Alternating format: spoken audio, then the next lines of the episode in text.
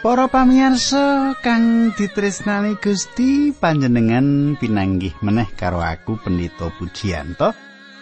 Kaya padatan aku bakal panjenengan ngancani panjenengan ing sawetara wektu iki. Ana ing sajroning adicara kang dadi kelangenan panjenengan yaiku adicara margi utami. Kepiye kabare panjenengan katangku? Apa panjenengan diberkahi Gusti ana ing sajroning kabungahan? Mengkono pandungaku sak kanca saka batu panjenengan tansao binerkahan dening Gusti. Apa panjenengan wis nyawisake kitab suci panjenengan? Becik nek panjenengan nyawisake kitab suci kanthi mengkono iso bebarengan maca karo aku. Sugeng midhangetake adicara iki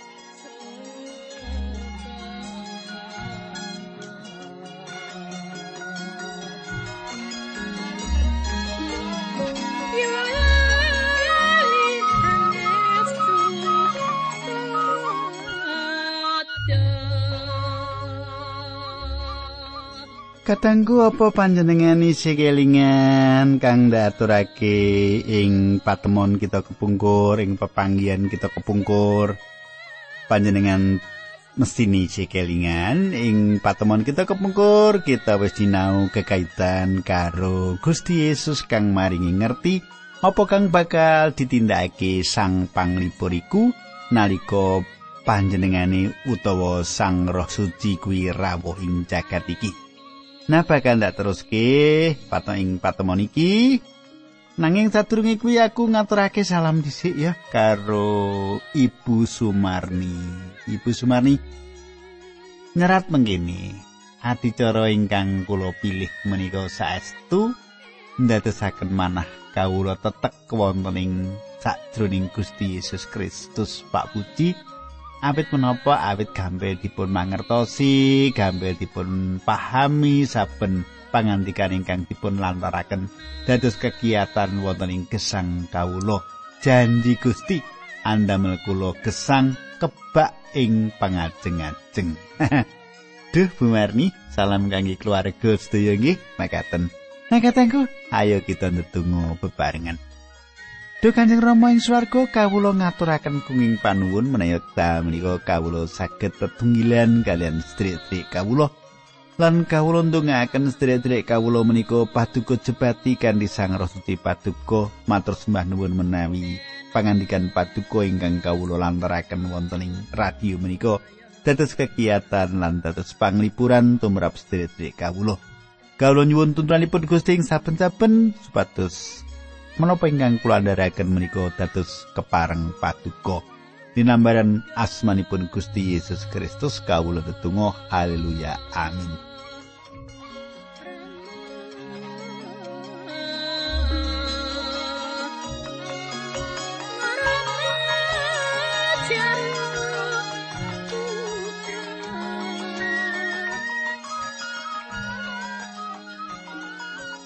Pamiaso pasinon kita ing patemon kita iki wis ngancik ing Injil Yohanan bab 16 saiki tekan ayat rolas. Panjenengan iling yen jagat kang ilang iki akeh sengit perkara kang ana gegayutani karo Allah. Contone Anggone Gusti Allah mau kuasa jagat ora seneng marang kasunyatan yen jagat raya iki kagungane Allah lan panjenengan kang ngatur selaras karo kersani jagat ora seneng. Jagat ora seneng yen Allah nyelametake lumantar sih rahmat lan manungsa kang wis dinyatakake ilang. Sang Rasuting yakinake jagat jaman saiki iki ana telung prakara. Nang katengku ayat 13 nganti 13 tak wacake kanggo panjenengan.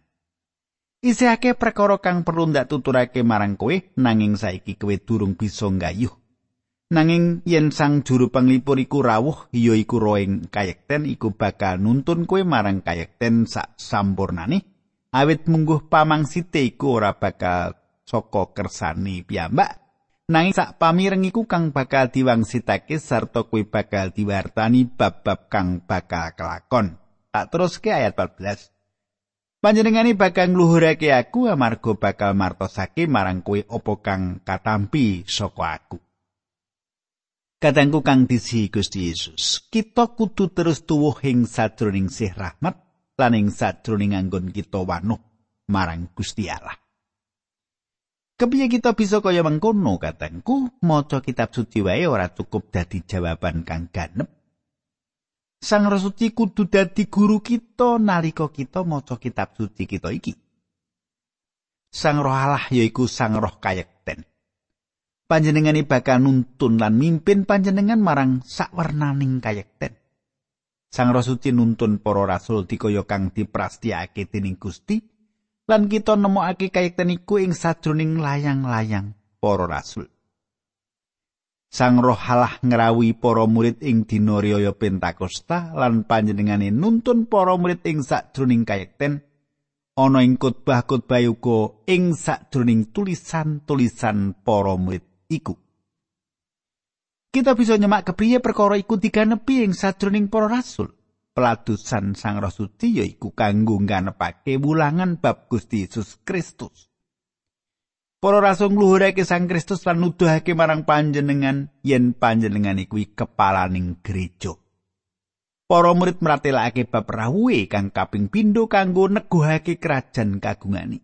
Para rasul ngetingalake pribadi lan peladosane Sang Kristus Para murid uga martakake perkara-perkara kang bakal teka lan secara cetha kita nulis perkara iki kadangku. Panjenengan gateke pitung langkah kang ana ing kene. Siji, Sang Roh Suci, Sang Roh kayekten iku wis rawuh. Loro, panjenengane bakal nuntun panjenengan marang sak wernane kayekten.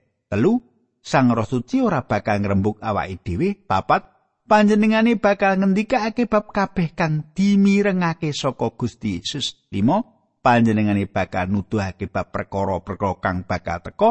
6. Panjenengane bakal ngluhurake Gusti Yesus lan 7. Panjenengane bakal maringi ngerti apa kang ditampa panjenengane saka Gusti Yesus Kristus utawa saka aku. Kadangku, Awit kita wis diparing ngerti bab langkah-langkah iku kita duwe cara kanggo ndadar. Apa kang kita rungu lan apa kang kita waca. Gusti Yesus kanthi cetha ngandikan Sang Roh Suci ora bakal mratelakake awake dhewe.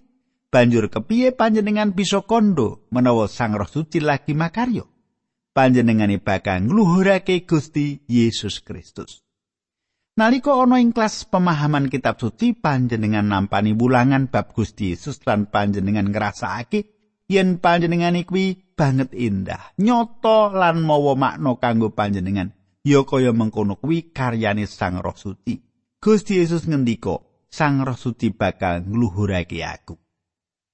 Yohanes 16 ayat 5. Apa sak kagungane Sang Rama iku ya duweku Mulane aku pitutur sang juru panglipur bakal martosake marang kowe apa kang wis katampi saka aku. Katangku sing disi Gusti Yesus, sepisan maneh Gusti Yesus meratelake anggone sederajat karo Gusti Allah. Apa kang dadi kagungane Sang Rama uga dadi kagungane panjenengane uga. Panjenengane bakal martakake marang kowe apa kang ditampa panjenengane saka aku ateges. Panjenengane bakal mundut samukawis kegayutan karo Allah lan nuduhake marang kita. Mung Gusti Yesus kang bisa nindakake perkara iku. Siji Korinta loro ayat songo nganti 10 katulis mengkini. Kang ora tau kadeleng ing mripat lan ora tau rinungu ing kuping sarta kang ora tau tuwuh ing atine manungsa kabeh kang wis katawisake dening Gusti Allah marang kang padha nristani panjenengane iku. Awit Gusti Allah wis nglairake bab iku marang kita sarana Sang Roh.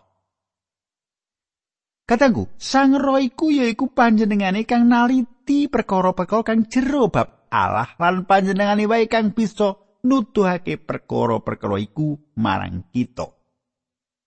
Ayat 16. Mung kari sedhela kowe nuli bakal ora padha ndeleng marang aku lan sedilongkas banjur bakal padha ndeleng aku maneh.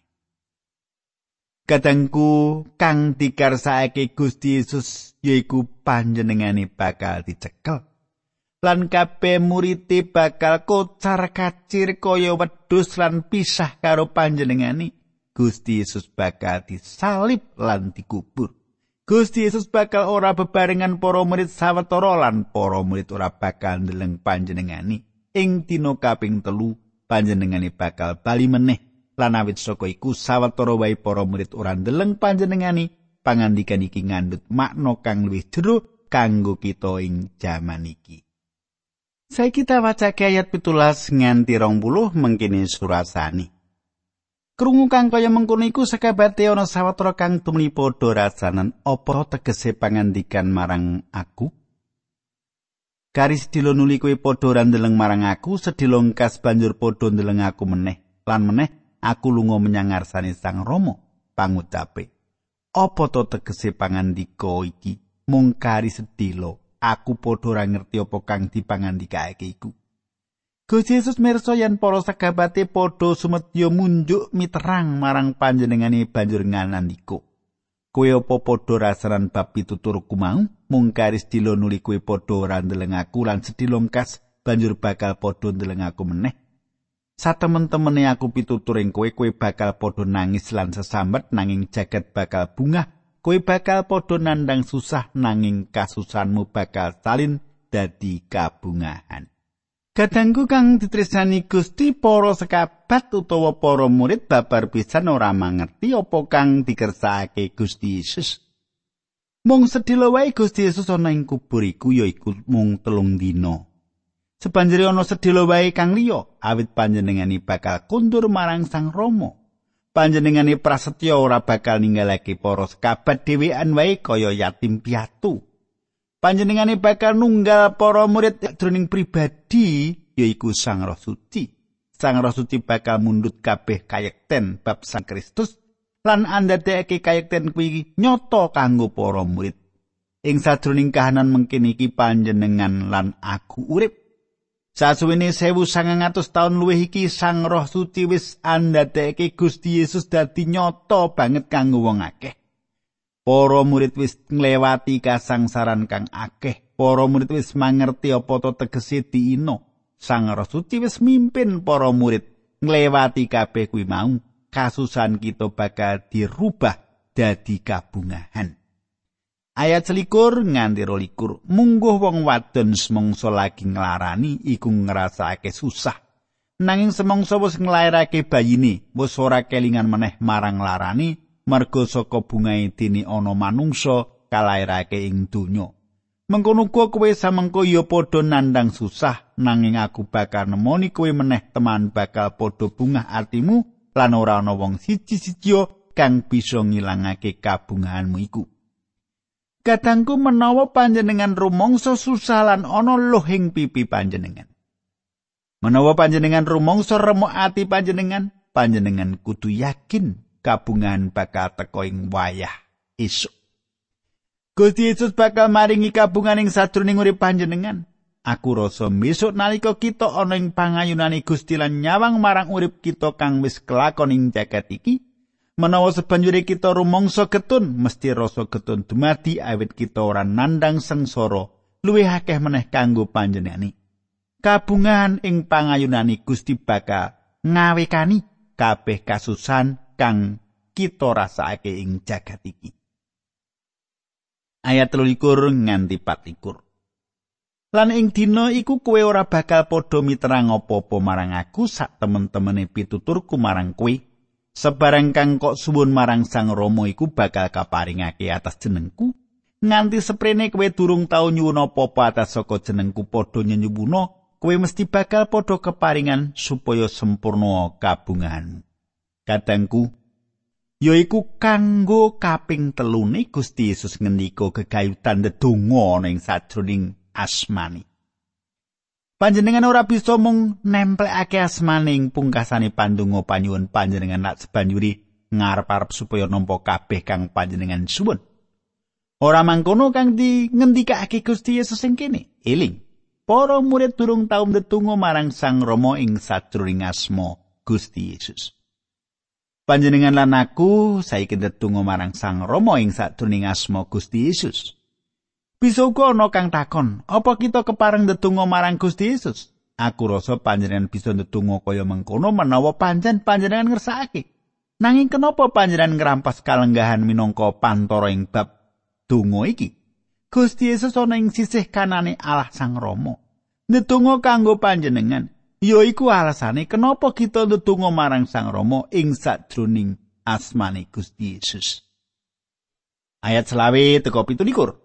Pituturku marang kowe iku mau kabeh adapur pasemon. Bakal ana wektune anggonku mituturi kowe ora adapur pasemon meneh. Nanging sak barise wae anggonku martani kowe mungguh Sang Rama. Ing dina iki kowe bakal padha nyenyuwun atas saka jenengku lan ora ndak tuturake marang kowe yen aku kang bakal nyuwunake kowe marang Sang Rama. Awit dene Sang Rama piyambak ngasihi kowe merga kowe wis padha tresna marang aku lan pracaya yen aku iki pinangkane saka ing Allah. Katengku kang dak tresnani tembung bakal ana wektune. Coba panjenengan gatekake.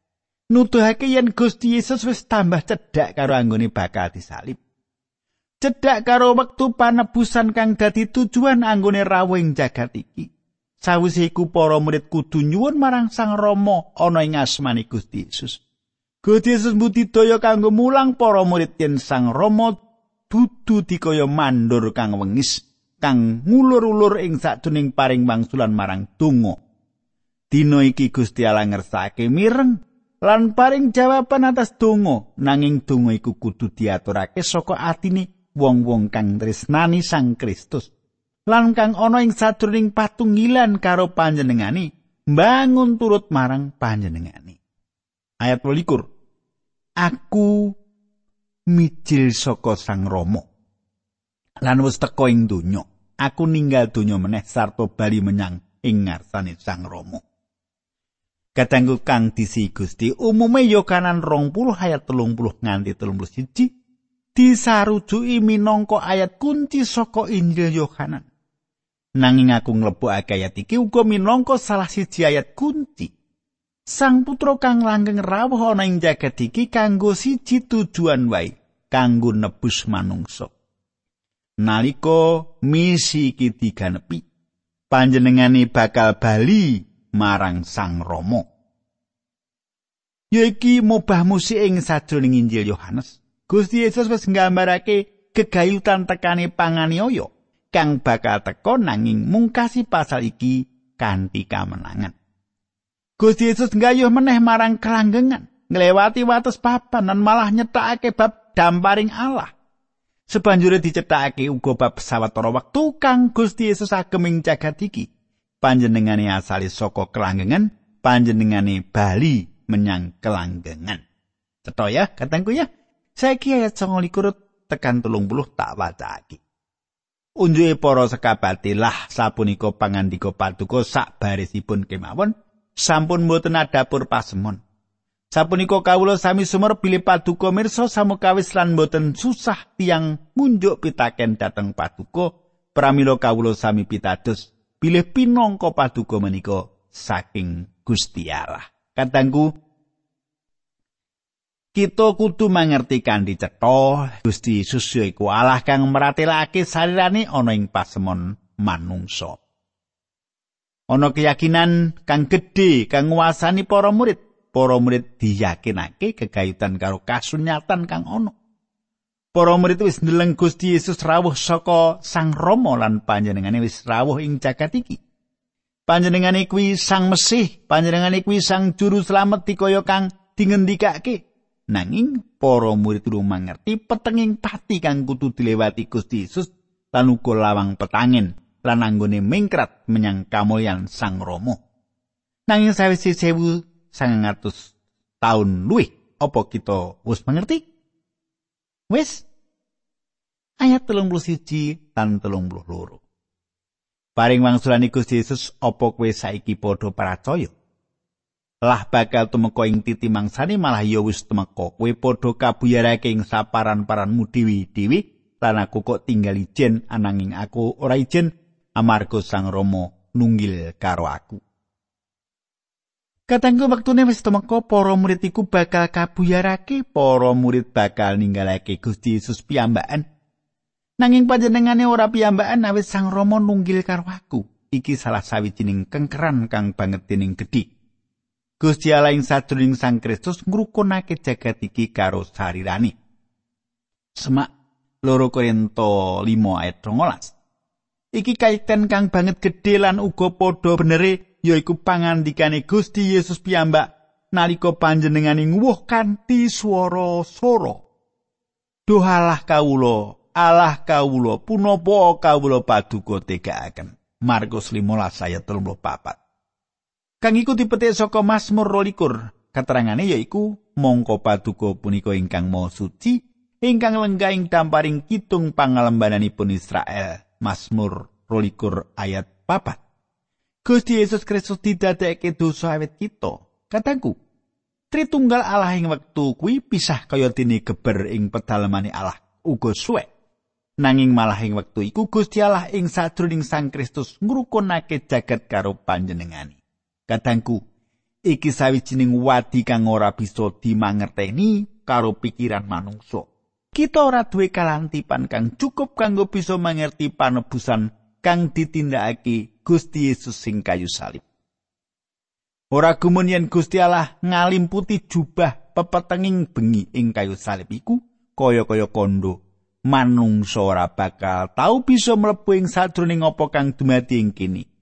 Aku yakin sak suwene kelanggengan jaman, panjenengan lan aku bakal terus mangerti akeh perkara kang anyar lan kang indah kegayutan sedane Gusti Yesus kanggo kita. Perkara iku bakal agawe kita tambah tenanan sujud ana ing ngarsane kanthi patrap kang wis dianyarake. Saiki Yohanes 16 ayat 33. Anggonku mulangake iku mau kabeh marang kowe iku supaya kowe padha leo tentrem rahayu ana ing aku. Ana ing donya kowe padha nandang panganiaya nanging padha ditetek atimu aku wis ngalahake donya. Katangku Gusti Yesus nutup pasal iki kanthi prasetyo paring tentrem rahayu. Sang putra Allah bisa kagungan tentrem rahayu ing sadroning urip iki awit tentrem rahayu iku ditemokake ing sadroning Sang Kristus lan ora ana ing panggonan liya. Panjenengan ora bakal nemokake tentrem rahayu ing sadroning gereja. Panjenengan ora bakal nemokake tentrem rahayu ing sadroning pelayanan gereja. Tentrem rahayu mung ditemokake ing sadroning pribadi Sang Kristus Yesus. Ana ing donya kowe padha nandang panganiaya. Gusti Yesus meratelakake pratela kang cetha. ora ana katentremaning jagat iki ana jagat iki sing ana yaiku masalah apa kang dingendika iku bener banget to masalah. Panjenengan randi masalah saiki? Aku tak guyu nek jenengan ora randi masalah. Mesti saben wong di masalah. Nah nanging katangku Gusti Yesus wis ngalahake jagat. Kamanangane yaiku kamanangan kita. Katengku, aku akeh ngrungokake keterangan kegayutan urip kang kebak kamenangan. Nang siji sisine kang tau nglakoni urip kang menang yaiku Sang Kristus. Panjenengan lan aku ora bisa nindakake kegayutan menang iki. Kita bisa ngejarake panjenengani urip ing sadroning kita. Iku wae nalika panjenengan lan aku sinau kanggo dadi padha karo Gusti Yesus lan nindakake patunggilan kang rumaket karo panjenengani. Mula kita bakal wiwit ngrasakake tentrem rahayune Allah ing sadroning urip kita. Uga kita bakal ngalami kekuatan ing sadroning ati kita. Ana masalah ing sadroning jagat iki nanging urip kita ing kono bakal tetep dikebaki karo kabungahan. Tentrem rahayu lan kabungahan. Kaya ngapa pentinge perkara loro kuwi? Anggonku mulangake iku mau kabeh marang kowe iku supaya kowe padha liya tentrem rahayu ana ing aku ana ing donya kowe padha nandhang panganiaya nanging padha ditetek atimu aku wis ngalahake donya Katanggu kepiye? Sak banjure perangan iki. Kita bakal nyemak ayat-ayat liyane teruse saka Injil Yohanan iki. Nanging ora saiki dina candhake kita bakal terusake. Mula saka iki panjenengan aja ngantek dina candhake ora mirengake. Awit penting banget. Nah ayo kita mungkasi kanthi pandonga Duh Kanjeng Rama ingkang ada damparan kraton ing kasuwargan kawula ngaturaken gunging panuwun menawi wekdal menika kawula saged midhangetaken kayektosan pangandikan paduka. Nyuwun tulung supados menapa ingkang abdi paduka andharaken menika dados sanguning kesang lan dados kekiyataning kesang lan tangsao. kumandel dumateng paduka Gusti Yesus sinaosa cobaning kesanging jagat menika marakaken mboten tentrem Linambaran asmanipun Gusti Kawula Yesus Kristus kawula netunggal haleluya. Amin